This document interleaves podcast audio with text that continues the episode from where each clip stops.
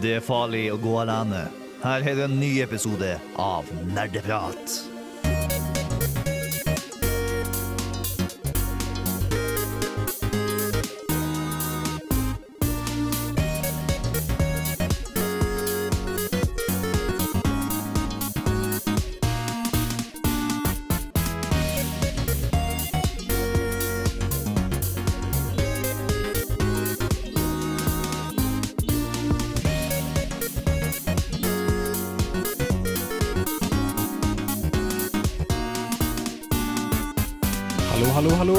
Hjertelig velkommen til nok en episode med Nerdeprat.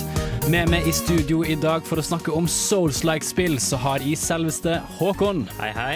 Og to gjester. Det er selveste Benedikt, hei, som var med oss før fra, fra Underdusken. Og gjestetekniker Bård Flugon. Hei, hei. Det er litt eh, sykdom ute og går, så det er vi gutta som skal snakke om Souls-spill i dag. Typ Dark Souls, Bloodborne og nyeste Sekiro.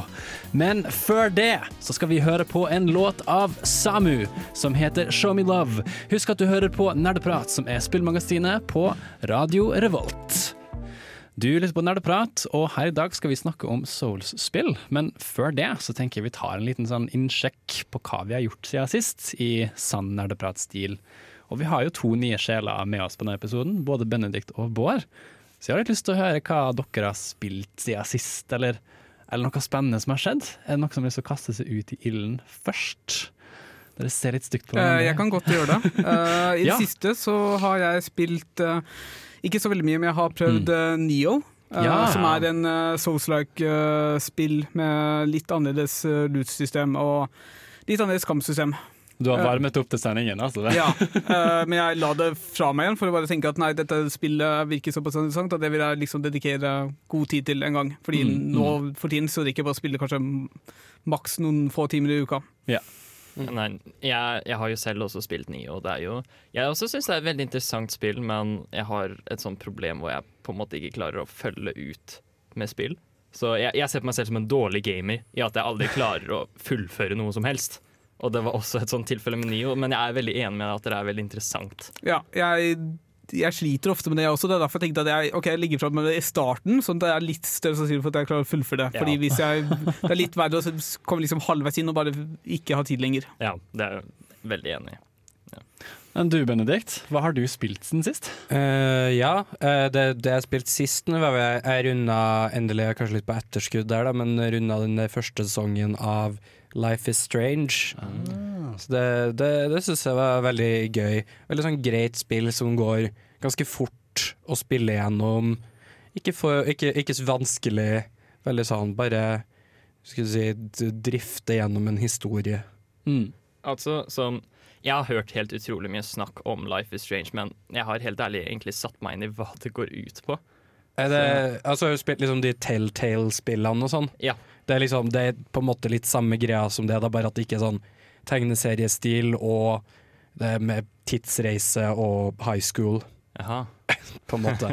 og, og, og, og, mye mørkt, egentlig. De tar, da tar opp ganske mye sånn mørk tematikk på en måte. Litt sånn Ja, skal, jeg skal kanskje si for mye av det som skjer, men det, det er mye mysterier og alt mulig sånn. Men det er jo si, Det er veldig sånn Det er begrensa hvor mye du egentlig påvirker, da. Eller sånn.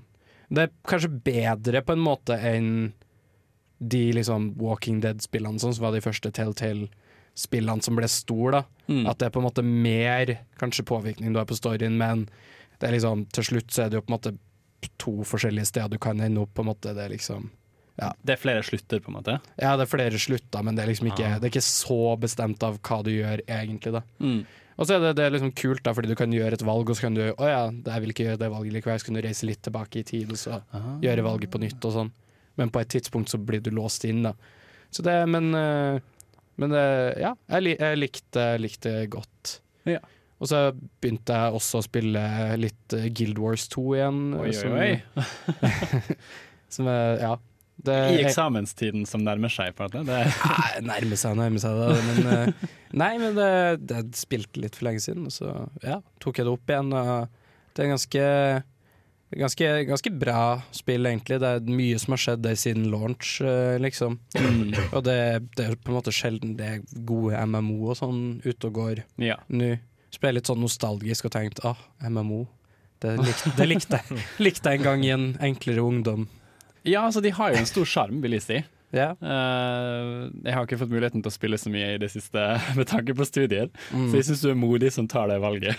ja, men det, Guild Wars 2 det er ganske sånn Det er, det er ikke sånn endeløs progression da, som du blir stuck i for alltid, på en måte. Eh, vi skal over til litt eh, nyheter her i Nerdeprat, eh, og før det skal du få høre Pond med Tasmania. Nerdenytt. Velkommen tilbake. Der hørte du Pond med Tasmania. Vi går inn i nyhetsdelen vår her nå på Nerdeprat, for det er jo en del som har skjedd i spillverden siden sist. Eh, litt av det første vi ser på her, er jo at PlayStation har nå tydeligvis fått sin egen Direct. Eh, Nintendo har gjort sin egen greie lenge, og PlayStation har liksom tenkt at ja, vi kan jo gjøre den samme greia, vi òg.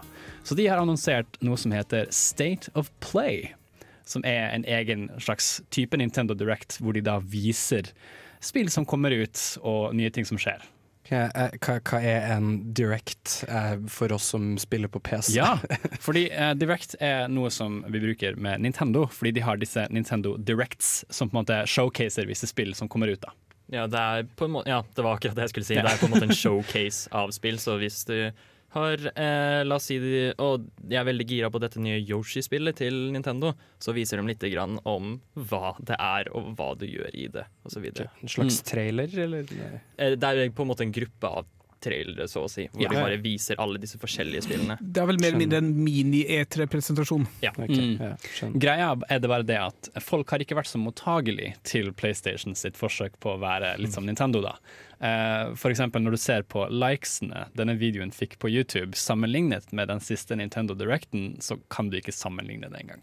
Den har eh, litt over 2K likes og en haug med dislikes, eh, mens den siste Nintendo Directen var oppe i sånn 60K likes. Så det er veldig sånn, folk er ikke så happy med at de har gjort denne avgjørelsen med State of Play. Men hva var det de viste på denne directen, da? Jo, for de viste jo mange kule spill. Eh, det kom jo ut eh, spill som vi kjenner. Nå husker jeg ikke titlene sånn her og nå i hodet, eh, men mange av de var jo utrolig spennende. Eh, det er et spill eh, hvor du f.eks. spiller som en gutt som har en sånn malekost, som skal interagere med malingen som han lager på veggen, og liksom gi farge til en verden. Eh, Var ikke det her et Mickey Mouse-spill som handla om ja, det var også noe sånt tidligere. Det er sant. Eh, og mange av spillene som kommer ut der, er jo faktisk eh, utrolig spennende. Eh, men måten de gjorde det på, da, at de vil nå gjøre sin egen greie, var det som ikke ble tatt imot så bra. Jeg, jeg skjønner ikke hva er det folk er sur Jeg føler jeg ofte har den responsen her til spill-community, men hva er det de er sur for nå? Ja, Jeg skjønner ikke. Uh, Jeg jeg tror vel heller det bare at det er litt uvant. Altså Nintendo har gjort dette veldig veldig lenge. Uh, Sony må jo ha startet med det nylig, fordi det er noe jeg aldri har fått med meg før. ja, det er noe som de har gjort nå nylig, noe som de har begynt med. Uh, og folk er vel litt sure for at det virker som de kopierer Nintendo. Eh, jeg har ikke lest min i dybden, men her ser jeg litt av spillene som kommer opp. da Det er litt sånn No Man's Sky-nyheter, uh, nyheter om Crash Bandicoot Racing eh, som kommer ut. Eh, et nytt spill som heter Ready Set Heroes, som ser veldig spennende ut. Hvor du har to teams som konkurrerer ved å komme gjennom en dungeon først, for så å ha en all out brawl til slutt, på en måte, med looten og armor de har samlet opp. Som skal også kunne gå an å gjøres med local multiplayer. Oh, Som høres som et kult sofaspill som kan uh, være morsomt. Eh, og veldig mye gøy som kommer ut av. Så spilltittelen i seg selv er jo liksom ikke noe problem. Men mer det at det så ut som at de begynner å herme etter Nintendo sin direct måte å gjøre ting på, som tydeligvis er deres greie. Jeg føler alle hermer etter alle hele tida i dataspillverdenen, så det er liksom Hvem bryr seg? Ja, på en måte. Eh, og så har vi en annen nyhet. Det virker som om det kommer eh, Det ryktes som en ny og kraftigere Nintendo Switch. Eh, disse ryktene har blitt noe litt mer fastsette. eh, da det er ting som peker mot at det skal komme ut en ny Switch som har bedre grafikk. For de litt mer sånn hardcore grafikkfanser. I tillegg så eh, ryktes det også at det kommer ut en litt mer sånn eh, pocket-vennlig versjon av Switch, som da er litt liksom på andre siden av spekteret igjen. Som liksom skal være en slags arvtaker til eh, 3DS-en, sier Pressfire, da. Eh, og det kan jo være spennende. Så du har på en måte en Switch Mini og en Switch XL, da. Ja, på en måte. Det er jo egentlig ganske naturlig. Uh, 3DS-en hadde vel også flere iter Ja. iterasjoner med forskjellige størrelser. Og de fleste andre konsoller prøver jo å fornye seg litt regelmessig. Mm. Mm. Det blir litt som Apple, som bare lager iPader i alle størrelser. Ja, Ja. nettopp. Eh, denne vil i hvert fall bli annonsert eh, på E3 i eh, juni. Eh, på E3-messen i juni. eh, og lanseres den følgende, noen av de følgende månedene etter, sier da kildene som Pressfire siterer. Så jeg gleder meg veldig til det. Kanskje nå kan jeg endelig investere i en Switch, eh, i som en PlayStation 4-scrub. Eh, vi skal få litt mer nyheter etter denne låten her. Her får du Anna Kayander med 'Idioti' her på Nerdeprat. Vi har fortsatt på med nyheter her på Nerdeprat, og nå har det kommet ut at EA skal sparke 350 ansatte i marketingavdelinga si. Eh, dette er jo ikke noe nytt. Det er jo flere spillselskaper i det siste, som bl.a. Blizzard, eh, som har gått ut og sparket en god del folk i eh, marketing og sånn. Eh, og det er jo litt synd at så mange mister jobbene sine, men de sier jo at det er fordi eh, de vil gjøre en bedre jobb fremover. eh, og må da ta en avgjørelse og sparke en god del folk i avdelinger de ikke har lyst til å prioritere så mye. Ja, jeg skulle si det altså, det er markedsføringsfolk, da, så jeg kommer ikke til å gråte. Ikke sant? Eh, kan jeg komme med den uh, påstanden at det kanskje til og med er velfortjent for akkurat EA? Fordi de har jo floppa masse i det siste. De det har helt- det. Jeg, jeg tenker jo det nesten ser ut til å være et lite mønster her også, med tanke på uh, EA har floppa veldig mye i det siste. Blizzard hadde jo hele sin fiasko med det nye Diablo mobilspillet Ja. og lignende. Så det ser jo Nei, men spesifikt EA, det, det spillet fra EA som har gjort det best, er jo Apex Legends, som Mm. ikke hadde noen markedsføring overhodet. Ja. Mens Anthem og Battlefield 5 gjorde jo ingen noe særlig bra. Jeg tror jeg leste litt om det, at de hadde betalt mange streamere for å streame Apex Legends, noe som gjør at det fikk mye blest. Ja, Mm. det tror jeg på. Eh, og da trenger du jo for så vidt ikke en markedsavdeling når du har streamere til å gjøre det for deg. Nei. på en måte. Men at EA har et dårlig rykte i spill-community er vel ikke heller noe nytt, da. Nei. Nei. Det jeg syns er interessant Jeg føler det, det, det er rart hvor mye spill-community er liksom interessert i hyring av fyringa skal jeg si, av folk i spillselskapet. Jeg hører, hører sjelden folk som er sånn Å ja, de sparka nettopp 100 folk fra Universal av folk som er interessert i film, liksom. Mm. Jeg vet ikke. Bare en liten metakommentar der. Ja, ja, ikke sant. Men det er kanskje fordi jeg innbiller meg at filmer har, med, altså har lettere for å gå med overskudd enn spill. Fordi det er så veldig mange spill, og det er veldig enkelt å lage spill. Så Ja. det, det, jeg hører mye mer om spillflopper enn filmflopper. Mm. Ja, det er kanskje sant. Men uh, det er vel blitt, uh, det er jo blitt sånn at eh, spillbransjen nesten er større enn filmbransjen, gjør det ikke da? Jeg vet ikke. Det er på, på vei. det, Nei, det begynner å nærme seg i hvert fall, tror jeg. Jeg kan skjønne at den begynner å bli større, det gjør jeg, men, men større enn filmbransjen, det Det, det er mye vanskeligere å øh, evaluere størrelsen på spillbransjen, fordi du har så mye indie-utviklere. Du, har, Ja, er du, du vet var- egentlig, ikke hvor mange som jobber med det. Ja, det er sant. I filmbransjen så måler man jo som regel bare Hollywood og tenker ikke på alle de nigerianske filmene og sånn. Ja, men jeg tror Nigeria er sånn verdens tredje største filmprodusent eller noe sånt. Ja, Oi. det er noe sånt. Wow! Så fun fact.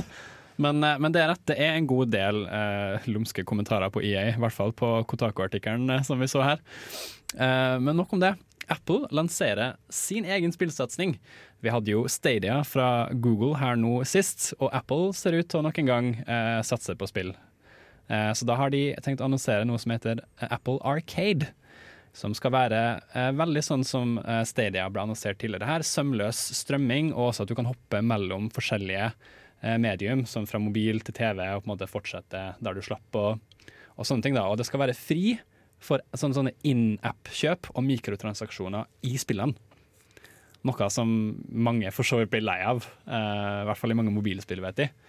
At du får alltid sånne pop-ups med 'vil du kjøpe mer av denne ressursen', eh, betal så og så mye, eksempel, istedenfor å vente. Men, eh, men at det er strømlø altså sømløs eh, strømming og sånn, er- det liksom mellom typen iPhone og en Apple TV, da, eller er det liksom Eller er det mellom forskjellige devices, eller er bare Apple devices? Eh, vi vil jo gjette at det er Apple devices, Ja, jo- siden det er Apple Arcade. Men et veldig viktig spørsmål, er dette ordentlig spill, eller er dette sånn mobiltype spill? Det var en god del spill. Det er i hvert fall inkluderer over 100 spill ved lanseringa, sier Pressfire her. Og det er, som vi ser her, litt eh, Lego. Eh, Jeg så også Sonic Racing, eh, for de som liker det. Men en god del titler her som vi egentlig ikke har kjennskap til. Ja, sånn type PC-titler og konsolltitler og sånt, ikke bare iPhone-titler. Kanskje det er sånn Overlord fra Finji, du har Card Pocalypse fra Versus Evil, Frogger in Toytown fra Konami, på en måte. Eh, så ja, det er en del. Syns ikke vi trenger sånn spillelitisme, gjør vi da? Vi skal i hvert fall over til temadelen vår her snart på Nerdprat, men før det får du The Modern Times med Am I Losing Touch? Ja, Hjertelig velkommen tilbake. Du hører på Nerdeprat, og her i dag skal vi snakke om Souls-spill her i temadelen vår. Det er vanskelig å definere hva en, såpass, en såkalt Souls-like er for noe. Dette er jo spill som da kom fra Startet med Dark Souls, og på en måte har fått litt sånn den sjangeren, da, at det kalles en Souls-like nå i ettertid. Uh, starter det ikke med Demon Souls? Jo, Demon's Souls var det som kom først av det FromSoft laga. Uh, ja, det er jo faktisk Demon's Souls, beklager. Uh, og så ble det Dark Souls, og så kom det en toer og en treer, og så Bloodborne. Uh, men spørsmålet vi starter med her i temasendinga, er jo litt Kan man definere en Souls-like? Fordi Souls-spill er jo én ting, men er det sin egen sjanger? Er det, er det som, må det være som Dark Souls? Er det spill som har Souls-elementer? Jeg har lyst til å høre liksom litt, deres tanker rundt dette her, da. Eh, Håkon. Um, ja, så når man på en måte Det er en veldig simpel måte å gjøre det på, Mm. og, og bare definere det, men det er samtidig et veldig løst begrep, og det brukes ofte ganske feil. Mm. Um, og bare for å si det veldig simpelt, da, så er et Souls-like spill et spill som minner veldig om Dark Souls, og som da har flere elementer fra, fra Dark Souls som det har på en måte låner. Og det vil da f.eks. være høy vanskelighetsgrad, eh, kompliserte level design med eh, typ sånn shortcuts og lignende. Um, du blir straffa for at du dør. Um, også at du på en måte Du leveler opp karakteren din, og så videre og så videre. Mm. Um, og da har du jo enkelte eksempler, da, sånn som f.eks. Neo eh, eller eh, Lords of the Fallen, som er veldig tydelig Souls-like spill, fordi de tar så utrolig stor inspirasjon fra Mm. sjangeren, da. Fordi Ja. det, igjen, det er jo veldig usikker på om det er en sjanger. Men problemet oppstår jo når veldig mange på en måte kaller spill av, liksom vanskelige spill for Souls-like. Så Mm. du hører jo veldig ofte den sayinga som er eh, 'the dark souls off'. Ja, så når eh, du har for eksempel Å, jeg syns Crash Bandicoot er skikkelig vanskelig, så da må det være The Dark Souls av plattformene. Um, det er Og det fungerer ikke sånn.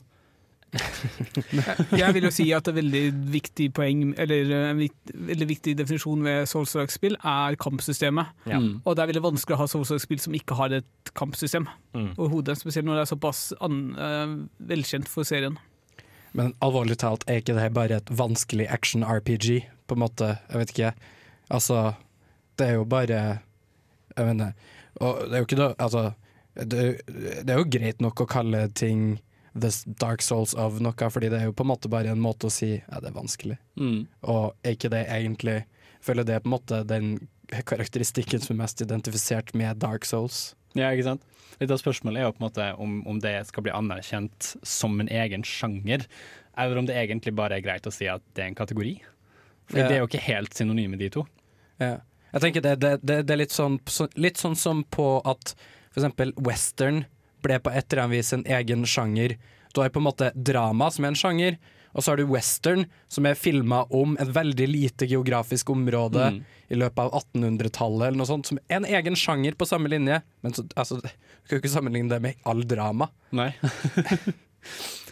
Ja, jeg tenker jo også at de, bare den enorme påvirkningskraften typ som Dark Souls har hatt på eh, spillverden de, de par siste åra, um, har jo veldig mye å si da kanskje for hvorfor det har blitt en sjanger nå. Veldig mange tar jo inspirasjon fra de nettopp fordi det var såpass frisk pust. I motsetning til alle de spillene som kom ut på den tiden. Ja. Jeg vil jo nesten si at det blir en sjanger så fort spill åpenbart etterligner det. Mm. Og det er jo nettopp det de har gjort med hvert fall både Lords of the Fallen og Neo, som er de to eksemplene jeg har spilt ganske nylig, og som jeg merker at det her er tydelig inspirert. Det er folk som har prøvd å gjenskape Dark Souls. Ja. Men, men altså, ikke sant, når World of Warcraft ble en suksess, prøvde alle å etterligne det. Det var ingen som kalte, begynte å kalle MMO-er for WoW-likes. Var det det? Nei, men det er jo fordi World of Warcraft hadde ganske lite spesifikt for seg selv utenfor MMO-begrepet. MMO-RPG-begrepet. men det er jo like spesifikt som de, altså de tingene jeg sier der, da. Ikke sant? Som, altså, det er et komplisert level design, du leveler opp characteren din. Altså, vanskelig. Altså, det er jo veldig generelle ting, det, òg. det er jo ting som du finner i alle eh, gamle liksom, action-RPGs og sånn. Altså, Diablo har jo basically alle de tingene der også. Det første Diablo-spillet, liksom. Ja, nei, eh, Forskjellen er vel da kanskje det, Du sa jo det i stad, at det, på en måte fokuset ligger primært i slåssinga og combaten. Og det er jo er heller det at du på en måte du, du lærer deg hvordan fienden er, og så på en måte begynner å lese mønsteret de tar. Og så tilpasser du deg hvordan bossene eller fiendene oppfører seg. Og det er på en måte hovedtrekket, føler jeg, da. Ja, En veldig viktig ting for å ha suksess i Dark Souls er jo å lære seg hvor angrepsmønstre og utnytte dem, og sørge for at du ikke du selv gjør feil når du angriper dem. Og Det er det mange, veldig mange har prøvd å etter, etterligne. da. Men, men det på en måte har man jo alltid gjort i spill. Det har jo alltid vært poenget med bossfights i spill, har det ikke det? I hvert fall når i MMO og sånn, så var jo hele poenget å lære seg taktikker og så slå bossene. De, altså, de gjorde det bra, men de, det var jo ikke revolusjonerende, mener jeg da. Nei, for forskjellen er vel egentlig for det meste da at eh, spillet straffer deg så ekstremt for å gjøre feil. I Mm, forhold ja. til eh, hvis du slåss og du på en måte Det, det tvinger deg til å bli bra. Hvis Mm. du ikke klarer å tilpasse deg spillet, og du ikke klarer å forbedre deg, så kommer du ikke til å klare å fullføre Dark Souls. Det er definitivt et spill som tvinger deg veldig til å følge dets regler. Og at du blir straffet hvis du ikke gjør det. I hvert fall slik jeg erfarer det. Uh, og at liksom den straffedelen er noe som, som virkelig hører til der, da. Uh, Håkon, du har jo spilt en del Sekro Sekiro i det siste, siden det kom ut. Det har for så vidt jeg òg. Uh, men du skal få høre hva Håkon syns om Sekiro her nå straks. Eh, for det Det var vanskelig, var det ikke det? Jo. Ja. Jeg gleder meg veldig til å høre det, men før det skal vi få høre en låt av Aiming for Enrique. Her får du Hard Dance Brainia her på Nerdeprat. Sekiro Shadows Die Twice er det nyeste spillet fra det elskede From Software, som tar deg ut på en reise i eldgamle Japan, da samuraier, rotter med store stråhatter og enorme hvite slanger regjerte. Du er den titulære karakteren Sekiro, en såkalt shinobi som forsøker å redde sin mester da han feilet og døde i kamp mot en mann ved navn Genichiro. Du reiser derfor igjennom Ashina på vei mot din mester, som venter på deg. Men vent litt nå, spør du kanskje. Hvordan kan jeg redde han hvis han er død? Vel, det er litt av greia til dette spillet. Fordi Sikiros mester har blodet til dragen, som gir Sikiro evnen til å reise seg opp igjen dersom han dør. Litt som en vampyr. Jeg skal komme litt mer inn på dette snart. Gameplayet til Sekiro må jeg forresten si er utrolig komplisert, men jeg skal prøve å forklare det så simpelt som mulig. Først så har du to måter du kan drepe dine fiender på. Den første, som Soul-spillere trolig er mest kjent med, er den typiske deng løs på fienden til det røde meteret er tomt. Men dette er helt ærlig ikke like effektivt lenger, da de aller fleste kamper er en duell med sverd, hvor de veldig lett bare blokkerer alle angrepene dine. Og det er her den andre metoden kommer inn, som er å ødelegge din motstanders holdning, og da gå inn for en critical hit. Du gjør dette ved å deflekte angrep, dette vil si å blokkere akkurat idet angrepet treffer deg, som slår motstanderen din av balanse. Her må du også huske på at det er enkelte angrep som ikke kan blokkeres, disse varsles, så ta det med ro, hvor de gjerne ruller unna stabs og hopper over sweeps.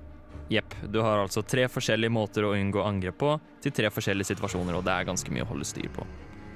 Men problemet i å skade holdningen til fienden ligger i at de kan fort få den tilbake dersom du ikke er i trynet deres hele tiden. Men de regenererer holdningen tregere igjen dersom de mister liv. Dette gjør at combat blir veldig aggressivt, da du må være oppe i angrepsfronten konstant, for du må alltid hindre fienden i å få tilbake holdningen sin, enten om dette er ved skade av livbaren eller holdningen selv. Og det var bare hvordan å slåss. For det er mange flere elementer i spillet også, som jeg må ganske kort oppsummere her. Først så er det viktig å huske at du er en ninja, og hvis du ønsker, kan du faktisk snike deg forbi alle fiendene dine, eventuelt ta alle ut fra skyggene. Og som jeg nevnte tidligere, så kan Sekiro dø midt i kamp, og reise seg opp igjen for å slåss videre. Dette gir ekstra dybde til spillet, da du kan leke død, så fienden snur seg, og så kan du gå bak dem og ødelegge dem.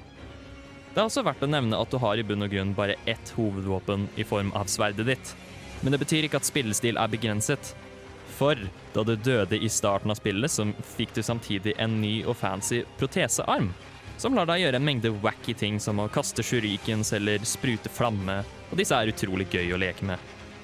Som en siste ting så er level-designet også drastisk annerledes fra tidligere Soul-spill, da det har et ekstra lag til seg i form av vertikalitet, og det er like mye å se opp og ned som det er rett foran deg.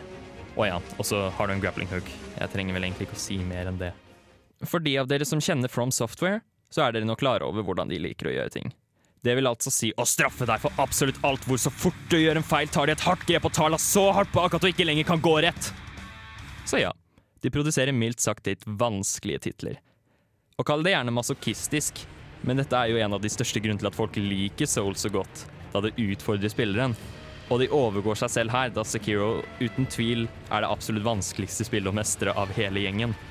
Du har enormt mange bosser og minibosser i spillet, og alle gir deg en god utfordring dersom du ikke klarer å mestre blokkeringen. Og alle er minneverdige på hver sin måte, alt fra utseende, vanskelighetsgrad og en tre, som når en gal mann på hest braser gjennom en port for å drepe deg.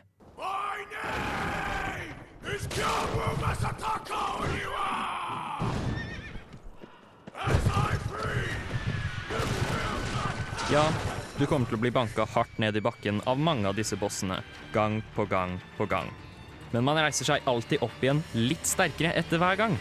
Og lite kan beskrive hvor ufattelig tilfredsstillende det er å endelig overkomme det som er i din vei. Jeg kunne snakka utrolig lenge om Sekiro, da det er ekstremt mye dybde til absolutt alle elementene, men jeg tenker jeg skal avslutte dette ganske simpelt. Hvis du liker Dark Souls eller Bloodborne, eller generelt ganske vanskelige spill, så kommer du mest sannsynlig til å like Sekiro. Hvis du liker fast-paced combat som krever punkt- og prikkepresisjon og amfetaminnivåer av energi, så kommer du mest sannsynlig til å like Sekiro. Hvis du liker parkour, ninjaer, grappling hooks og bossfights, så kommer du til å like Sekiro. Og hvis du har hatt en interesse for å komme deg inn i Souls før, men aldri fått sjansen til å prøve det ennå, så vil jeg tro at du kommer til å like Sekiro. Tusen takk, Håkon, for den flotte anmeldelsen av Sekiro.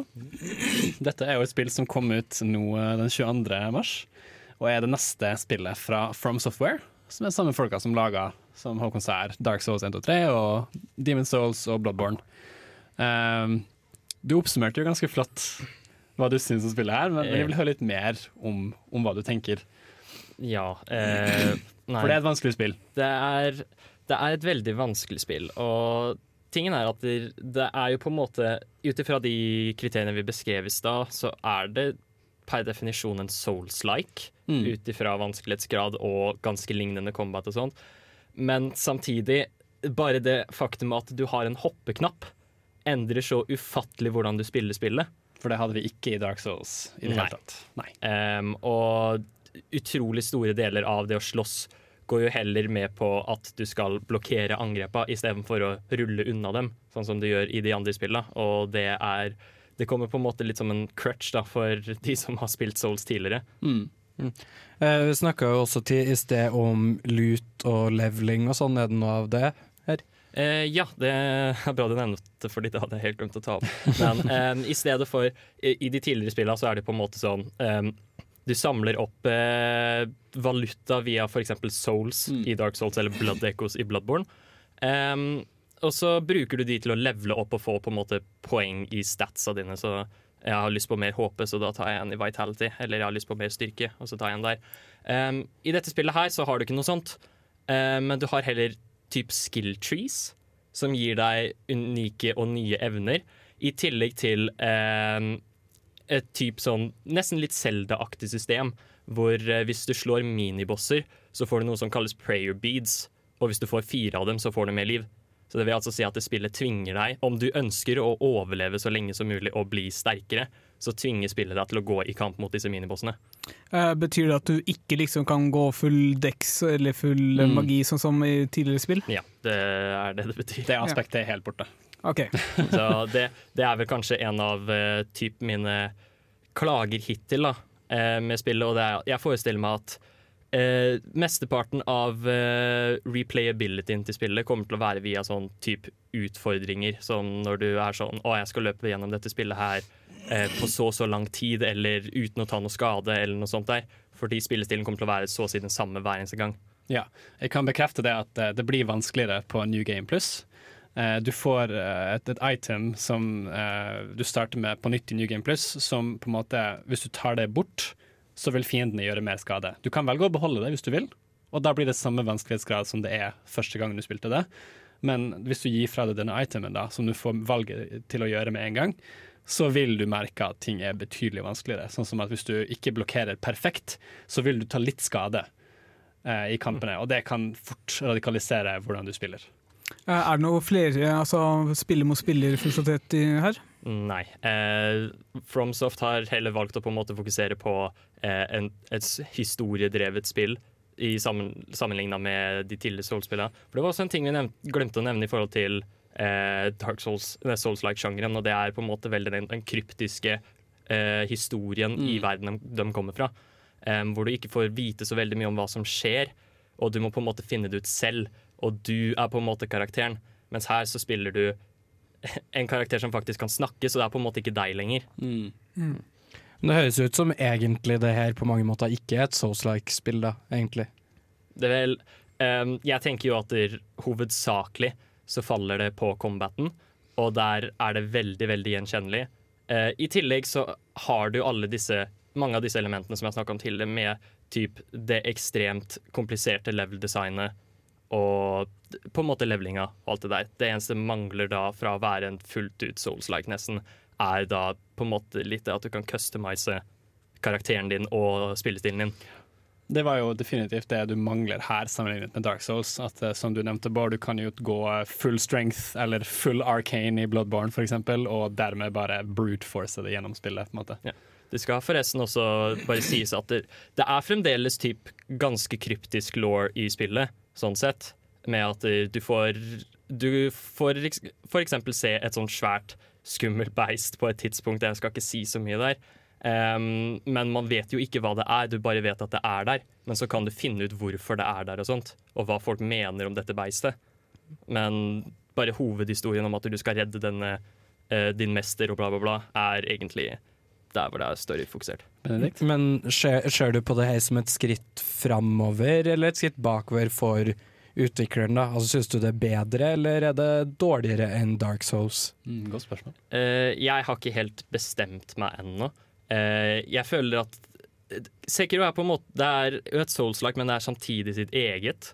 Så jeg vet ikke helt om jeg skal si så Jeg vet ikke helt om jeg skal ta den avgjørelsen og si hva som er best. Min, fa min personlige favoritt er fremdeles Bloodborne, og jeg vil tro det kommer til å være det etterpå også. Men uh, Sekiro er et veldig bra spill. Det er det. Min eh, egen mening er at Sekiro er et, et skritt i rette retninga, definitivt. Uh, og Bloodborne var min favoritt, men nå begynner Sekiro å på en måte ta igjen der, altså. Vil jeg synes. Nettopp fordi combat-systemet er så dynamisk, og utfordrer det på en helt annen måte enn en Dark Souls og Bloodborne gjør, føler de da. Ja. For det, det er i hvert fall noe jeg syns er veldig spennende. Eh, vi skal få høre en låt fra eh, Sekiro Shadows Die Twice her. Dette er låten fra første bossmusikken du møter, som du hørte i anmeldelsen til Håkon her. Fyren som rir inn på en hest, brakende gjennom The Castle Gates og sier at så lenge han puster, så skal ikke du komme forbi han. Her får du Gyobu Oniwa komponert av Yuka Kitamura og Noriyuki Asakura. Der fikk du temaet til Gyobu Oniwa fra Sekiro, det nyeste spillet fra From Software. Vi sitter jo her, eller står her og snakker om uh, Souls-like-spill, uh, og har snakket noe ganske heftig om Sekiro, men vi kommer inn mer på viktige temaer her, annet vanskelighetsgrad. For det er jo noe som virkelig kjennetegner Souls-spill, uh, vil jeg si, og jeg tror alle som har vært borti Souls kan si seg enig i det, Uh, hvordan spillet straffer deg for hver minste ting du gjør feil. Eh, og litt av greia her er jo dette med hvorfor spillene må være så vanskelig, og er, det kanskje derfor vi liker Souls-spill? For jeg føler at liksom hvis du skulle introdusert si en easy mode, så hadde nok på en måte hele premisset forandret seg veldig. For litt av kjernen til fanbasen er jo her nettopp fordi spillet er vanskelig. Tenker jeg i hvert fall i, da. Eh, Men liksom, hva, for eksempel, Benedikt, du har jo spilt litt Souls. Og du syns jo at det var litt for vanskelig for din smak, og at det var derfor du ikke egentlig satte så mye mer inn i det. Stemmer ikke det? Ja, nå føler jeg meg litt uthengt her. Eh, Du forteller alle sammen hvor dårlig jeg er i dataspill. Nei, men det er sant. Jeg var ganske dårlig på Dark Souls. Og det var egentlig litt Eller sånn, jeg likte hele den Jeg likte verden i Dark Souls, og jeg synes det var liksom spennende verdensbygging og sånn. Og jeg hadde litt lyst til å egentlig bare dalle rundt det som eh, en liksom en and, i, en and i et badekar, på en måte. Men eh, det lot jeg meg åpenbart ikke gjøre, da. Så jeg stanga hodet mot veggen en liten stund, og så ga jeg egentlig opp. Så jeg kunne godt tenkt meg en easy mode, eller en eh, turist-mode, eller hva vi, skal, kalle- hva vi skal kalle det. Hva, Men, hvilke eh, spill var det du spilte først av uh, Souls Likes? Jeg spilte spilt, eh, spilt Dark Souls det første først. Mm. Det liksom, ja. Det var vel når det kom på PC, Prepare to Die Edition. Ja, riktig, riktig. Mm. Ja. Um, nei, jeg, tenk, det, jeg føler jo at det er en veldig sånn kurve som nesten alle nye solspillere faller i. Mm. Og det er rett og slett at du på en måte Du kjøper det, og så tenker du hvor vanskelig kan det være? og så kommer du deg ikke forbi den første bossen, og så blir man veldig sur. Ja. Og så legger du det fra deg i to uker, og så tenker du jeg kan gi det en ny sjanse. Og så får du det til, og da er man sånn Å, ja. Det her var jo litt gøy. Ikke sant? Mm. Men det er jo mange som ikke deler den tankegangen. Mm. Eh, jeg og Håkon kikket jo litt her på reviewene på Metacritic. eh, og der var det en god del negative reviewer. Eh, det var De fleste var positive, Mm. men, men de som var der av negative, eh, var Ja, hva vil du si, Håkon? De var, de var ikke helt fair.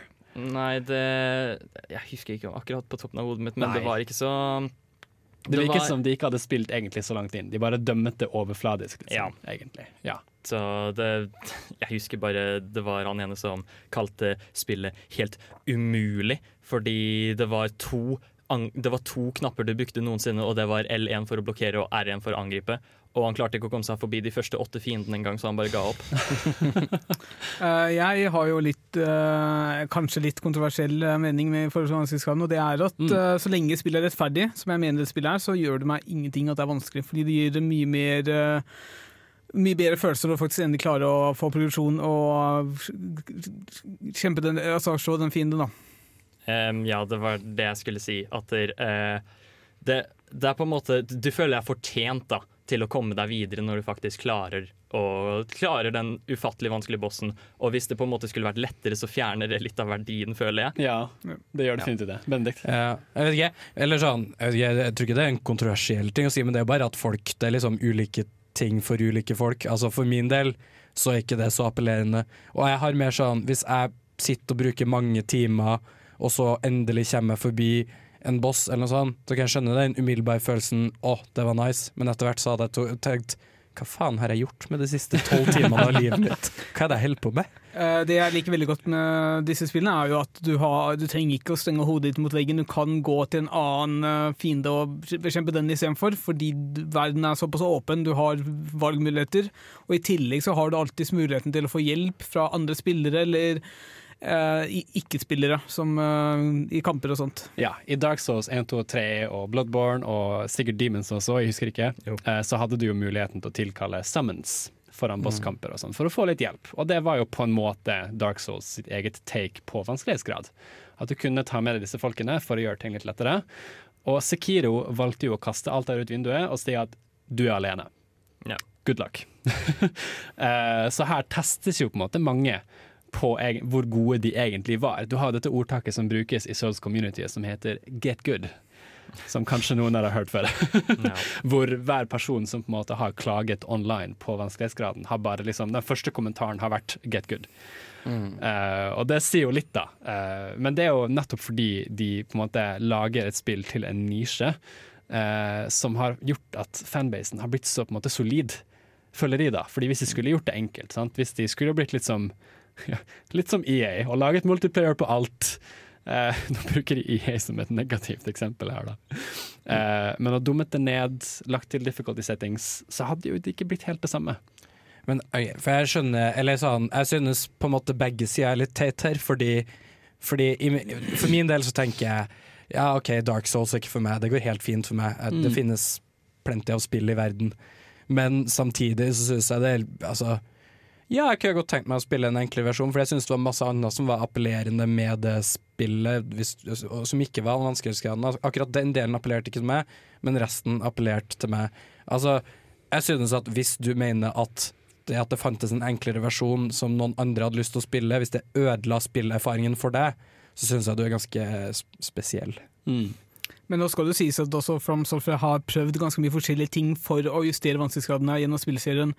De gjorde jo for eksempel at I toeren så er det begrenset hvor mange ganger du kan drepe fienden i en eh, bestemt sone. fordi altså Etter jeg tror det er 15 ganger så bare forsvinner de. Og da har du fri vei til bossen og kan drepe den eh, akkurat sånn som du vil. Var ikke det også for å redusere grinding og sånn? Eller at Jo, det gjør at du ikke kan grinde evig, så vi, det er andre aspekter også som det påvirker. Mm. Vi skal videre og snakke om level design her nå på Nerdeprat, men før det skal vi få høre en låt fra Dark Souls 3. Her vil du få Lorien, Elder Prince og Lothric Younger Prince, komponert av Yuka Kitamura og Motoi Sakuraba. Da er vi tilbake igjen. Vi snakker om Souls-like her på Nerdeprat. Og vi har snakket litt om vanskelighetsgrad, men nå skal vi snakke mer om level design. Fordi noe som Dark Souls og andre typer Souls-like er gjør veldig bra, er dette med å designe leveler som måte interagerer med hverandre på en veldig flytende og fin måte. Mm. For eksempel i det første Dark Souls så har du et øyeblikk i spillet hvor du kommer tilbake til Firelink Shrine, som er der du starter, da, og er på en måte hub-worlden. Eh, og du finner senere ut at egentlig veldig mange veier leder tilbake igjen dit. Og det gir deg et slags friskt pust på at liksom, aha, flott, jeg trenger ikke å bare komme lenger og lenger, lenger bort fra hjem. På en måte, du, du har veier rundt som på en måte knytter verden på en veldig spesiell måte. Jeg vet ikke hva du tenker om det, Håkon? Uh, jeg, det her er jo i hvert fall favorittdelen min med Dark Souls 1. Definitivt. Um, at I hvert fall i den første halvdelen så er de helt utrolig gode på å koble verden sammen. Sånn som ja, Du har denne ene stedet hvor du starter, som liksom er tutorial-stedet, som heter Undead Asylum. Mm. Og etter det så kommer du til Filing Shrine, hvor du, de er bare sånn gjør hva du vil. Du kan velge å gå til eh, et område som heter The Catacombs, som er et, et av de siste områdene du egentlig skal til i spillet. um, du kan gå videre til eh, et sted som heter Undeadburg, eller så kan du gå ned til et sted som heter Blighttown. Det er bare overalt. Du, du har egentlig free reign til å gå Ja. hvor du vil. Uh, på, på den måten så gjør det jo det veldig sånn sandkassespill, Mm. hvor eh, du kan gå hvor du vil, men hvis du ikke er kjent med spillet, så kan det også være veldig skummelt at spillet ikke håndholder det på noen måte. Ja. Nå når vi snakker om Dark Souls enda, for eksempel. Ja, eh, Noe jeg syns er veldig viktig å nevne, er at du nevnte jo at man kunne gå til Blighttown, men ting med det er at det kan du ikke gjøre med mindre du vet hva, hva du, at du må velge riktige ting i starten og for å ha muligheten til å gjøre Ja. det. Fordi spillet sier Jo, du kan snakke med en person som sier at du burde gå opp hit eller gå ned dit for å gjøre ting, men som regel så er det mest av informasjon skjult. Du må enten høre med andre spillere eller lese beskrivelser av gjenstander og sånt for å finne ut ting. Ja, Problemet der er jo at jeg føler jo at det er absolutt ingen grunn til å ta noe annet enn master key når man spiller i Dark Souls. Men det vet ikke en nybegynner. Som er da et item du kan starte med ut av andre items, så du Ja. kan velge. Ja, og det, Du, du får en liste, og Master Key er definitivt det mest interessante. Ja. Og Sekiro også er jo også veldig interessant med tanke på level design. ja. Uh, her har du ikke bare det vertikale aspektet, men også det bare, Du har ikke bare det horisontale aspektet, men du har også det vertikale aspektet. Hvor du kan da, som den slingshoten du nevnte, bruke til å flyge opp på tak. Og det, det legger en helt annen dimensjon Ja. på spillet. Det er uh, Nå har du jo Fordi det er såpass bredt, og på en måte, så kan du teknisk sett ignorere alle fiendene hvis du vil. Det er jo derfor de på en måte la inn det systemet med at du må drepe minibossene for å kunne få mer liv eller damage, eller hva det er. Um, fordi, for å få folka til å ikke bare unngå alle fiendene. Men det er en mulighet du kan gjøre likevel. Og så i tillegg um, jeg er litt der hvor jeg syns at uh, de på en måte typ sånn uh, Dark Souls 2 og Særlig Bloodborne, da. Der, var, der ble de på en måte litt sånn dårligere på å ha den sammenkoblinga av nivåene igjen. Ja, ja, de hadde jo for så vidt noen øyeblikk sen, veldig sent, føler jeg, hvor du kommer helt tilbake til starten, etter du har klatret opp en lang, lang stige Ja. fra, fra en eller annen hule, og du bare sånn Å ja, shit, jeg er tilbake her, liksom. Ja. Det er veldig spennende. Men jeg tror en grunn til det var fordi der kunne du hoppe rundt mellom lagringspunkt eh, fra, helt fra starten av. Ja. Men noe Mm. du ikke kan i verken eneren eller treeren. Eller Jo, Bloodborne tror jeg kanskje kan det. treeren så hopper du altså mellom eh, bonfires, tenker du? Ja. ja. Eh, Det var vel i eneren du var mer begrenset. Ja, da, Toeren må, da kommer du deg sånn cirka halvveis gjennom spillet, og så kan du hoppe mellom bonfires. Ja. Så Du må bare kaste inn kritikk, Benedikt. Eh, Du er på en måte vår, vår mer sånn kritikkilde. Altså, nu, jeg, jeg vet ikke om jeg har spilt nok til å liksom legge merke til alle de her finurlighetene. men, men jeg synes jo altså, Det er jo kanskje litt på on the side, da, men sånn rent uh, estetisk så var det et veldig pent spill. Mm. Altså, var veldig, levelene var veldig gode til å fange det her eh, litt sånn ødelagte kongeriket i sin gammel storhetstid. eh. Det er liksom det er liksom litt samme følelsen som når du går gjennom uh, ruinene av de gamle romerske ruinene Mm. i Roma og alt mulig sånn, og liksom tenker på og her var det en gang en stor sivilisasjon som har på en måte forsvunnet ut i ingenting. Det er en litt sånn eksistensiell eh, angst eh, som nesten som du får eh, der. Du lever jo, altså I Dark Souls 1 og 2 og 3 eh, så lever du jo på en måte i en alder hvor gudene holder på å dø.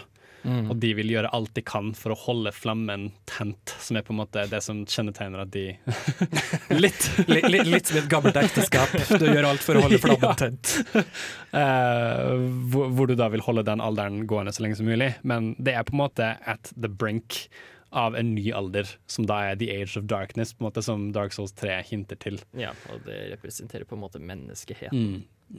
Som er veldig, veldig sånn melankolsk, da, føler de, egentlig. Mm. Ja. Men hva var det? Bare i forhold til hele level design-greia. Jeg tenkte Mm. jeg skulle gå tilbake til det, um, men at det Sekiro på en måte går litt tilbake til der hvor det Dark Souls 1 gjorde igjen, da. Mm. Hvor du kan, du kan komme tilbake til dette ene stedet via tre forskjellige andre steder. Ja. Og så Det er et sted som heter Sempo Temple. Og du og jeg kom til det stedet på to helt forskjellige måter, så vidt jeg skjønte. Yep. Så, så, sånn syns jeg bare er veldig smart. De, de hadde jo, når du måte til dette store slottet, litt sånn, hva skal jeg si, eh, en femtedel ute i spillet, eller sånt. Det, det er en slags sånn hub world, det òg. Så har du liksom valget å gå i sånn tre forskjellige retninger. Ja. Eh, hvor da Håkon gikk én vei, og jeg gikk en helt annen vei. Eh, så når vi liksom møttes og snakkes etterpå, så bare ja, jeg har vært her oppe i Senpo Temple, har du vært der? Og der gikk ikke du før sånn lenge etterpå, Ja. liksom. Det var egentlig veldig interessant. Mm. Så du har mye frihet å velge liksom hvor du vil gå. Uh, vi skal snakke mer om community i Dark Souls, for det har jo en veldig sterk fanbase uh, som vi skal gå mer inn på her. Og litt sånn PVP og sånne ting. Eh, men før det skal vi få Great Grey Wolf Sif fra Dark Souls av Motoi Sakuraga, Sak Sakuraba, etterfulgt av Christopher Larkin sin The White Lady fra Hollow Knight. Vi skal snakke mer om communityet i Souls-like-spill her på Nerdeprat. Fordi det er jo et veldig sterkt community eh, rundt disse spillene. Uh, Sjøl så vet jeg at jeg har sett mange videoer på YouTube om folk som på en måte har sagt hvor viktig Dark Souls har vært i en tung periode av livet deres. Eh, hvor det på en måte har utfordret de på en måte som har hjulpet de. Og det kan kanskje være at de har fått en viss mestring i spillet som har på en måte oversatt til virkeligheten igjen. Det er noe jeg vet jeg kan kjenne meg igjen i. Eh, det var på en måte Min introduksjon til Soulspill var jo Bloodborne eh, i fjor, eh, i eksamensperioden. Så det, det var på en måte Jeg fikk eh, platinum på det i eksamensperioden. Eh, og det var et eller annet der som bare klikka. Så endte jeg opp med å ikke spille noe annet enn Soulspill, nettopp pga. mestringen som det ga meg. Ja, det er jo Man kan jo kanskje kalle det Stockholm-syndrom, Ja. men eh, det er jo det det går ut på at når du først har på en måte kommet deg inn i Souls, så er det den forbannelsen hvor man har absolutt ikke lyst til å spille noe annet enn Souls igjen. Og derfor, det det er vel kanskje derfor man nå har en sjanger som heter Souls-like, fordi folk ønsker bare å spille Souls når de har begynt å spille Souls. Så da, når de også da kan få flere Souls-spill, så hjelper det kanskje litt. Og selv når de på en måte har spilt ut spillene, så går de på en måte enda lenger ved å utfordre seg selv med sånne selvpåførte utfordringer, som å fullføre et helt Souls-spill på level 1, sant? Dark Souls 1 bare på level 1, uten å bli truffet. Eh, nylig så var det jo to eh, streamere på Twitch som fullførte en god del Magnus Souls-spill eh, uten å bli truffet i det hele tatt på stå level 1. Eh, ja, uh, speedrun er også vanlig, og så Mm. er det en som har spilt gjennom spillet med en Guitar Hero-kontroller. Ja, Selvfølgelig er det det. Bedre. Og det er, det er jo utrolig kult hvordan dette communityet holder sammen. Uh, for eksempel så er det jo en god del PVP i Dark Souls 1, 2 og 3. Eh, hvor spillere kan invandere hverandres verdener, for eksempel. Eh, spille mot hverandre. Og du har jo en duelletikett i disse verdenene. hvor f.eks. du spåner inn i en annens verden, og så bukker dere før dere kjemper, og så begynner dere å duellere. på en måte. Og det syns jeg er så kult, at, de har den, at det er så mange som virkelig følger den koden. på en måte. Eh, Det som jeg også syns er interessant, er at eh, det, jeg tror du kun kan invadere folk som er ca. samme level som deg, og i samme Ja. område som deg. Så det man har funnet ut i liksom, eh, community rundt, er at la oss sette et level som liksom er standard PVP-level, og så holde oss rundt det. Ja, de har flere sånne metaleveler. Eksempel i Dark Souls 3 så er det et område etter en boss som heter eh, Pontiff Sullivan, eh, som ser litt ut som en arena, hvor du har en sånn liten sånn elevated platform som folk kan sitte på, og så nederst er det på en måte et område hvor du nesten er som en arena. Og der legger folk ned på en måte sitt summon sign, så du ser liksom at det er spredt med at folk kan tilkalle hverandre der og møtes for å kjempe og sånn da. Og det er utrolig stilig. Men de legger seg også på et spesifikt liksom, spillernivå. Altså, På level, ja. Mm. Jeg tror i Dark Souls 1 så var det vel 120 som var uh, populært. De har eh, flere. 120 er vel den mest brukte, men det er også en god del på 80 og 90, vet de. Okay. Uh, og også noen på 150 faktisk også. Uh, så det er mange forskjellige meter. Jeg vet ikke hvor langt du kom i Souls til å oppleve sånn, Benedikt? Nei, kjære gud, jeg vet ikke. Spilte du online, på en måte? Nei, jeg gjorde aldri noe sånt. Nei. Eh, Jeg syns jo det her høres ut som en sånn eh, interessant, eh, interessant greie for en sosiologisk studie i hvordan sånne implisitte sosiale koder etableres i sånne communities. Da. Det er jo mange ting i spillverden som er liksom sånne type ting, sånne ting som oppstår som spilldesignerne ikke har tenkt på sjøl. Som er egentlig ganske interessant, da, på en måte.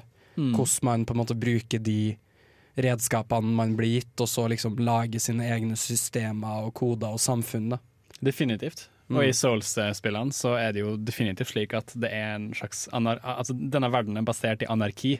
Mm. De sterkeste regjerer, og hvis du på en måte ikke er like sterk som de, så vil de på en måte vinne over deg. Men jeg syns også det er viktig å nevne at du har jo samarbeid, og det er jo veldig mange hemmeligheter i disse spillene som eh, Det ofte hender at eh, du blir invadert eller noen kommer for å hjelpe deg, og så plutselig så har, hører du en eller annen stemme som bare sier at nå, nå har du låst opp noe. De, de sier jo ikke det, men de sier det er en eller annen eh, smed for eksempel som sier det, har en eller annen eh, stemme som sier noe, og da skjønner du kanskje at å ja, nå har jeg funnet en smed.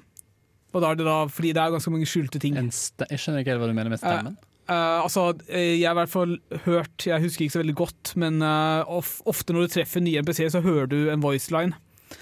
Og den blir da spilt når en annen spiller hjelper deg å oppdage ting. Det kan ikke jeg huske. Ehm, ja, nei, jeg skal bare snakke om noe annet veldig kjapt. Um, det er jo også på en måte at man kan legge fra seg sånne meldinger også Ja. til uh, de, La oss si det bare er online, men du har ikke på en måte noe som gjør at du kan bli invadert eller noe sånt. Mm. Så kan folk legge ned meldinger som andre kan se, um, og da også oppstår det gjerne noen sånne memes, da. Som eksempel hvordan du tar touch, og så kombinerer du det med butt og hole, ikke sant? Eller eh, når du kommer til eh, en karakter som heter Guinevere, som er kjent for to enorme bryster, så tar folk gjerne og lager en liten melding hvor det står 'Great chest ahead'. Ja. Eh, så En melding som ble veldig kritisert på media, eh, hvor Dark Souls-spillere ble på en måte hengt ut for å være skikkelig sexister. Ja. Noe som vi syns var litt morsomt. Da, det er ikke det de tenker på i det hele tatt. Jeg mener, ja, eh, ja. Høres litt sånn ut. Ja. Nei, jeg tror det bare her var folk som har det gøy, eh, og det syns jeg de skal få lov til. Soul-spill er kjempemorsomt. Eh, vi skal snakke litt mer om law rundt Soul-spillene her. For det er jo en god del subtil eh, historieinformasjon i spillene som kommer frem gjennom items og lignende. Og hvordan de gjør det, skal vi gå mer inn på. Men før det skal du få høre en låt av Gus Dapperton som heter 'Fill Me Up Anthem'. Du hører fortsatt på Nerdeprat, som er spillmagasinet her på Radio Revolt. Vi ses snart. Velkommen tilbake til Nerdeprat. Vi snakker fortsatt om Souls-like-spill her. Og nå skal vi snakke litt om law i disse typer spillene. Fordi, for de som er kjent med Souls-like-spill, i hvert fall Dark Souls og da Bloodborne, og nå også Sekiro, så er historieelementet veldig kryptisk. Eh, Du, du får veldig lite eksposisjon i starten på hvem du er og på en måte hva som har skjedd. Men detaljene er ofte bortgjemt bak items som du plukker opp, og liksom flavorteksten i de itemene. Så du må på en måte virkelig pusle sammen biter overalt for å finne ut hva som har skjedd. Og hvis du ikke er interessert i det, så kan du suse gjennom hele spillet uten egentlig få med deg hva i alle dager som skjer. Ja, for eh, om, tar, om man bruker Dark Souls 1 som et eksempel, em, så på en måte starter opp hele spillet med at de har et sånn cutscene hvor de forklarer deg at der, eh, eh, Gwyn fant eh, denne flammen, og så delte de den i fire, eller noe sånt. Han fant en gammel flamme. ja. og så eh, Og så er vel egentlig det, det du får vite, da, at det, skjedde noen par ting der. Eh, Det var en eller annen dragekrig, og så døde dragene. Og så blir du på en måte kasta inn i verden. Så utrolig mye av handlingen har nesten skjedd fra før av. Um, og da på en måte kan du uh, få vite hva som har skjedd i denne verden ved å f.eks. lese item descriptions eller snakke med NPCs og lignende. Så, Var dette noe som uh, dere interesserte dere for når dere plukket opp Soul-spill, eh, Benedikt? Bård? Ja, altså det var jo på en måte, som jeg sa tidlig, det var på en måte det som virkelig appellerte meg med det hele. Så, så husker jeg så den første cutscenen og liksom designet på de her eh, karakterene, eh, Gwyn og alt det der. Det er utrolig kule karakterer. De er veldig sånn særpreg sammenligna med mye annet sånn ganske sånn standard fantasy-design-type greier. Da. Det er ikke bare en sånn en eller annen kongefyr og en eller annen ung, kjekk heltefyr. Og det, er liksom, det er liksom ganske sånn speisa design og litt sånn Litt sånn HP Lovecraft-inspirerte ting, nesten. Og litt sånn mye kult eh, sånn der, da. Så jeg likte, likte alt det der veldig godt. Og, og det var på en måte det jeg snakka om, at derfor at jeg også kunne tenkt meg liksom å oppleve det utenom å deale med alt det andre. Sånn som, for jeg, jeg tenker jo på sånn som, eller sånn som The Witcher og sånn, hadde også et ganske avansert combat-system, men de tillot deg å gjøre det ganske enkelt også, hvis du ønska det. Ja, Det var ikke Og- som var fokus, på en måte. Ja, men det, altså for, for noen så er det jo på en måte Altså Noen digger jo combaten i The Witcher og Ja, synes det, men jeg var Men mest du var ikke opptatt av påtvunget det, på en måte. Nei, jeg var mest opptatt av storyen, og da var det det jeg kunne gjøre. Og det synes jeg er veldig greit, da, fordi da altså Hvis de hadde følt samme filosofi som From Software, så hadde jeg bare aldri fått spilt The Witcher, Nei, sannsynligvis, fordi jeg hadde ikke gidda å bruke all den tida på Jeg syns det var et langt nok spill fra før, liksom. Mm. Jeg tror det er definitivt at det var noe som uh, CD Projekt ville at folk skulle få med seg. Mm. eh, med tanke på at det var mye polsk historie inspirert i dette spillet. Uh, og det er jo mye som jeg er enig i at resten av verden burde få med seg. eh, Definitivt. Enn du, Bård? Uh, jeg har ikke helt tålmodigheten til å lese beskrivelsen av gjenstandene i spillet, men jeg likte veldig godt eh, dialogen med andre rollekarakterer i spillet, og måten du kunne Hvis du snakka nok med dem, så hadde de sin egen progresjon, de hadde sin egen eh, historie som du kunne gå gjennom og oppleve, og kanskje hjelpe dem på en eller annen måte, eller eh, noe sånt. Kanskje de hjalp deg til slutt, som jeg syns var veldig interessant. Også hvordan forskjellige stier påvirka spillet senere, da. Ja, at du har branching paths. Ja. ja riktig. Ja. Jeg merker vi jo på en måte litt sånn at vi er forskjellige personer, da, fordi du hadde ikke tålmodigheten til å sitte og lese law, mens jeg hadde ikke tålmodigheten til å spille combaten. Så det Forskjellen var sånn, at eh, kampen tok ikke meg så lang tid. Oh, snap! Oi, oi, oi. Brannfakkelkatt. Throwing shade. Um, ja, jeg tenkte jeg bare skulle fortsette litt på det Bård sa. Um, og det er rett og slett at da Første gang da jeg spilte gjennom Dark Souls 1, så fikk ikke jeg med meg så å si noe som helst av handlingen i det hele tatt. Og jeg føler det kan Jeg har blitt mer oppmerksom på det nå, nå som jeg skjønner hvordan de gjør ting, og jeg finner det på en måte veldig mye mer interessant. Men det er vel kanskje noe av problemet at det, det, det tar en del tid å sette seg inn i denne verden og liksom skulle lese alle item descriptions og sånt. Og det er der jeg også tenker at jeg bare skal kaste inn en liten anbefaling med en uh, YouTuber med navn Vati Vidya. Oh yes, definitivt. Og han på en måte Han tar Dark Souls-lauren, og så forteller han det som på en måte fortell, liksom eventyr-type fortellinger. Um, med typ sånn, han har sånn type mørk tone, sånn veldig avslappa stemme. Og, Mm. og så tar han Så har du et veldig fint sted hvor du på en måte kan samle all lauren i spillet. Altså, eh, for det første, det comebacket jeg skulle ha kommet til Bårdis, det var jo åpenbart at for meg tok det ikke så lang tid å lese, men eh, Men eh, når det er sagt, så syns jeg det på en måte var litt sånn det appellerende, at du vet egentlig ikke helt hva som foregår, og du blir aldri fortalt hva er egentlig din plass inni hele det her, og du, er liksom, du går liksom rundt og vet ikke helt hva det er som foregår. Du er liksom litt sånn Du våkner opp fra et koma og vet ikke hva verden rundt deg er, liksom. Og det kan jo være en skikkelig turnoff for uh, mange spillere, egentlig. Fordi de vil ha mer eksposisjon uh, ut fra hva deres rolle er, og ikke bare en sånn silent Ja, her, vær så god, uh, slå en boss, whatever. No. Uh, som Dark Souls kan virke som da, for mange nye. Eh, inntil, du får, inntil du møter Guinevere kanskje senere i Dark Souls 1. Da får du litt mer exposition. Men vi skal snakke mer om våre egne erfaringer i Souls-like her. Eh, det blir veldig spennende å høre hva Bård og Benedikt har å komme med. Før det skal du få høre Sauropod med I've Seen How You Smile. Vi er her for å snakke om Souls-like, og vi har kommet inn på noe, våre egne erfaringer i Souls-like. Og da vil jeg gjerne høre litt sånn historier, et eller annet som dere tok med dere fra da dere spilte Souls-like. Dark Souls, Bloodborne, Sekiro for vår del, anything. Eh, har dere noen juicy historier? Bård, Benedikt, Håkon, hva som helst. Eh, ikke så veldig juicy, vil jeg si, men noe ganske interessant. Det vil jo Mhm. Fortell, fortell. spolere litt av starten for uh, Dark Souls 1, for de som ikke har spilt det ennå. Det, Det, er tror jeg går såpass greit. lenge siden at det er deres Ja. eget ansvar. Nei, fordi i starten så sta, Du starter i Underdar Asylum, og så beveger deg litt rundt, og så kommer du til en veldig stor fiende, veldig stor, kraftig fiende. Og jeg begynte å se så angripen, og prøvde å unngå angrepene hans, og Mm. alt mulig sånt. Og det jeg da innså på sånn kanskje tredje eller fjerde forsøk, var at å, det er, en dør borti hjørnet der, kanskje jeg skal gå dit istedenfor. Ja. Det her er jo første bossen på at måte, hvor du egentlig blir bedt om å løpe forbi han. ja. Men som kan være mye å ta inn over seg når man er ny. sant? Og bare Det første du registrerer, er bare stor, farlig dude som skal angripe det. på en måte. ja og, og de fleste spill vil jo at du skal angripe tilbake. Ja. Så det her utfordrer allerede Eller Souls gir ordentlig tydelig tegn på at det skal løpe forbi, men her er det bare en Jeg tror kanskje du hører døren åpne seg i bakgrunnen, og sånt, men ikke noe mer enn det, liksom. Nei.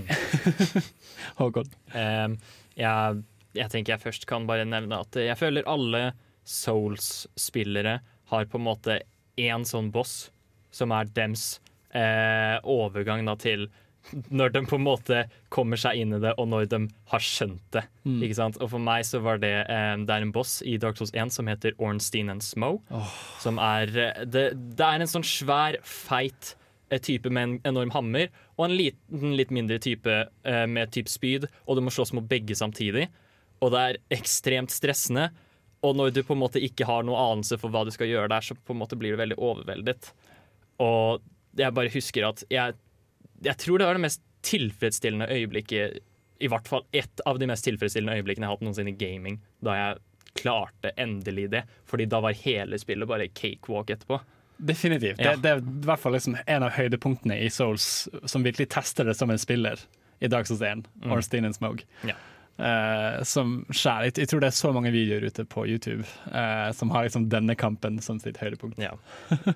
uh, kom du så langt i Dark Souls 1, eh, Benedikt? Jeg husker egentlig ikke helt det. Jeg, føler med, eh, Første gang jeg spilte, var altså som, kanskje litt i likhet med Bård, det prega mye forvirring. Det var liksom sånn Begynne i fengselscelle, hvordan kommer jeg meg ut herfra? Er jeg, en, er jeg plutselig en zombie? Og så er jeg sånn, er jeg, er jeg bare en zombie hele spillet nå? Kan noen forklare meg hva som skjer? Så går jeg ut, og så kommer jeg til det jeg trodde var en boss, og så dreper den meg. Men så viste det seg at det var ikke en boss i det hele tatt, det var bare en stor mobb, liksom. Og, nei, det var, det var Ja. Nei, jeg kom, jeg kom nå til noen bosser. Jeg tror kanskje jeg drepte en eller to bosser. Jeg husker ikke helt det. Det må jo ha gjort det. Men eh, jeg vet ikke, etter hvert så innså jeg at uh, det her er ikke min greie. Og så gikk jeg og spilte uh, sikkert sånn etter jeg hadde Telltale-spill eller noe sånt, hvor jeg bare Mm. kunne breeze gjennom. Kan jo nevne at uh, du, Den første bossen som Bård nevnte her, er jo uh, hva heter den, Asylum Demon. Jeg tror det. Ja. Som er en sånn grønn demon med en stor hammer, eller mace. Mens andre bossen som du er ment til å ta, hvert fall, er vel denne Toros Demon Ja. oppe på uh, Ja, hva skal på, si, veggen der, ja. På en sånn, på en liksom sånn eh, mur Ja, som eller- er litt rund. Ja. Mm, riktig. Ja, den husker jeg. Det høres kjent ut. Mm, det Hvordan gikk det med den? Jeg ikke, jeg tror det gikk til slutt, men jeg Ja. ble etter hvert veldig lei av For i første spill så måtte du hele tida begynne på nytt og drepe alle de skjelettene på nytt. Ja, var, måtte løpe hele veien opp igjen. Herregud. Det var Det føltes som ja, den syvende sirkel av helvete, for å si det sånn. Skjønner. Ja, men Det er godt å få litt erfaring med bildet. Har noen noe flere de har lyst til å dele? Eh, Jeg kan kort nevne Ja. en om eh, bare communityen, faktisk. Ja. Fordi jeg husker det var en gang da jeg spilte for kanskje sånn to år siden, hvor eh, det, det, Jeg spilte Dark Souls, som er Alle har jo da gått videre til de nyere Dark Souls-spillene. Men jeg spilte Dark Souls 1 på nytt igjen, og så ble jeg invade av en fyr. Um, og så endte det opp Og jeg var sånn Å, herregud, er det folk som fremdeles spiller dette spillet her? Men da han kom, så endte det med at han bare Han tok av seg all armoren sin. Og så gjorde jeg det samme, og så bare slåss vi med nevene i sånn fem minutter, og så stakk han. De beste historiene er der hvor all armor faller av. Ja. Vi får ukas spørsmål her straks, men før det skal du få Tigerbukten med Under Present. Når innså du at du var en gamer? Dersom du kunne spilt kun et spill i et år Hva er det eldste spillet i backloggen din? Hva har du lært fra spill som du har fått nyte av i Er det et spill som har hjulpet deg gjennom en tung periode av ditt liv? Hva er ukas spørsmål? Ja, ukas spørsmål, mine damer og herrer, er som følger. Hvis den virkelige verden var som en Souls-like, hva ville du gjort for å overleve? Ja. Ville du holdt deg hjemme? Ville du gått på skolen? Hvordan ville du kommet deg på skolen? Liksom, nå, nå, tenk hvis det var farlige bosser overalt. på en måte. Mm, Ja, nei, fordi Tanken min der er at hvis jeg på en måte er hovedkarakteren Mm. fra et av spillene, si. Og har på en måte alle ressursene tilgjengelig, så hadde det vært Liksom, Det hadde vært et helt alminnelig liv igjen å bare gå en sorcery-build i Dark Souls 2. Fordi sorcery er kjent som på en måte den absolutt mest ødelagte ressursen du kan få i Dark Souls 2, da du kan one-shotte nesten alle bossene med det. Mm. Jeg har, jeg har gjort det selv. Um, og det var av det jeg husker, så var det kun to jeg ikke klarte å one-shotte fordi de har altfor mye liv. Skjønner. Så jeg tenker det hadde egentlig vært ganske lett å bare gå for det. All right. Mm. Så du hadde gått all in og faktisk kjempet mot ting her? Og, Det hadde jo ikke vært kjemping engang, nei, fordi de hadde jo bare dødd. det hadde vært sånn sweeping, egentlig. Ja. Benedikt, har du et svar på uh, ukas spørsmål? Jeg mener, du, jeg vil tippe svaret at jeg ikke hadde overlevd. Eller ikke at oh, Benedikt! jeg hadde det på en måte høres ut som mitt verste mareritt. Og man, man lever for alltid i Dark Souls. Du hadde bare låst det inne, du. Ja, jeg, altså konstant liksom gå og prøve å slå et skjelett i ansiktet, og så liksom starte på nytt. Tilbake på hybelen, og så antar det antar det, det istedenfor så, sånn bonfire sånn som så best spåner jeg tilbake i hybelen min. Ja, ja, ja. Hva skulle liksom bonfire equivalent vært? At du liksom besøker en venn og så 'Å, shit, du har tett bål'. Flott! Ja, men da, da kan de komme tilbake igjen Ja. hvis det skulle skje noe. Det er sånn, liksom. du, må, du, må, du, må, du overlever kun så lenge du ikke Så lenge du er i den bålsesongen. Ja. For det er sånn plutselig, plutselig så er det ikke lov å tenne bål lenger, og da er du fucked. Da er det ingen respons. nei. Jeg tenker bål eventuelt også kan representeres via en pizza i ovnen eller noe sånt. Ja, ja, ja. Så, Bård, har du tenkt eh, et svar? Uh, ja, det er jo egentlig ganske enkelt. Jeg hadde kanskje Ja. tatt meg litt fri fra jobben til å bare eh, sørge for at jeg er på et passe nivå for å overleve fra dag til dag. Og så ville jeg bare jobbe som normalt i kanskje noen måneder, kanskje et år. Grinda alle fiender på vei til og fra jobb. Kanskje hvis det er noen fiender på jobb, så ville jeg ta- drept dem også. Og så til slutt ville jeg kanskje prøvd å faktisk ha litt progresjon. Ja. Eh, drept uh, ordføreren i Trondheim og Som er den siste bossen i Trondheim, den Ja. ordføreren. ja. Så likt som med Håkon, så ville du virkelig gått inn for å faktisk eh, akklimere til denne verdenen. ja, så klart man må jo det når det er masse fiender rundt omkring. Ja, ok, så da har vi trua Rita Ottevik på livet. Eller Bård. Bård gjorde det. Bård Flugon, hvis politiet hører på nå, det var Bård Flugon. Vi tar ikke ansvar for at han har trua Rita Ottevik på livet. Det, Skal vi si at det som kanskje rektor på Dragvoll også er en type boss, liksom. Men men vet ikke om den personen kommer før eller etter ordføreren. Det er det, da. Hvis du får liksom sånn eh, branching paths, så kan du jo velge om du vil ta ordføreren i Trondheim eller rektoren på Dragvoll først. Nei, på NTNU først. skal vi true Gunnar Bovim på livet også? Det er det, det som skjer. Det her blir spennende. Så hvem kunne vært bosser?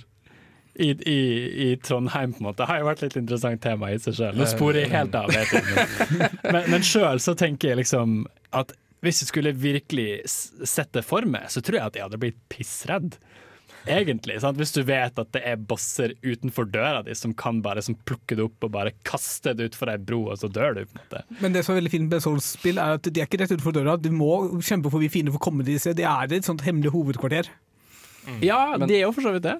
Men hvem er de her vanlige fiendene som du må kjempe det fordi? Er det dine medstudenter, liksom? Eller er det Ja. Ja.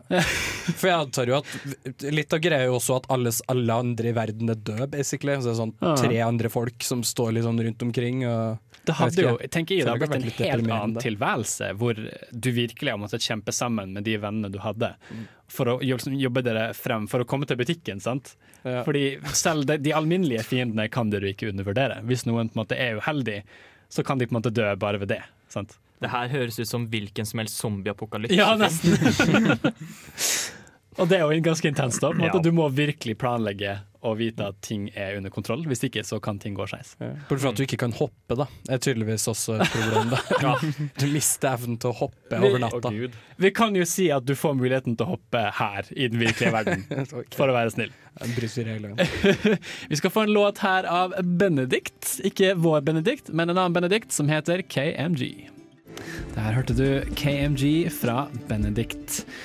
Du har eh, hørt på Nerdeprat her i dag. Eh, vi har snakket om Souls-like-spill, som er spill som noen av oss liker veldig godt, og som Benedikt her ikke er så glad i. Bare singler. Jeg har hengt ut Benedikt nok i dag, føler jeg. Noen må være på en måte antagonisten i en sending også. De må jo på en måte det. Eh, the secret hidden boss, på en måte. Uh, fremover på sikt uh, så skjer det jo mye spennende. Uh, Workwork, som vi liker å blette litt, skal jo ha speedfriending som skjer nå klokka syv. Så hvis du hører på, kan du springe dit og få deg venner. Hvis ikke, så er det spilldag med Hexagon den 31., som er liksom brettspilldag, eh, som er veldig morsomt. Eh, som folk flest, tenker i, Å bare gå dit og spille litt brettspill osv. Men det kuleste av alt selvfølgelig er jo at vi skal ha utesending på Workwork den 7. april fra fire til seks. Eh, da vil dine faste nerdepratere komme tilbake og lede deg gjennom spillutvikling i Trondheim, Norge. Så følg med på det, det blir veldig spennende. Eh, tusen hjertelig takk til Bård og Benedikt som har vært med oss på denne sendinga. Eh, det har vært veldig hyggelig å ha dere der. Det var hyggelig å være der. Eh, tusen takk for oss fra meg, Håkon, Benedikt og Bård. Eh, her skal du få Iris med 'Romance Is Dead'. Du har lyttet til en podkast på Radio Revolt, studentradioen i Trondheim. Sjekk ut flere programmer på radiorevolt.no.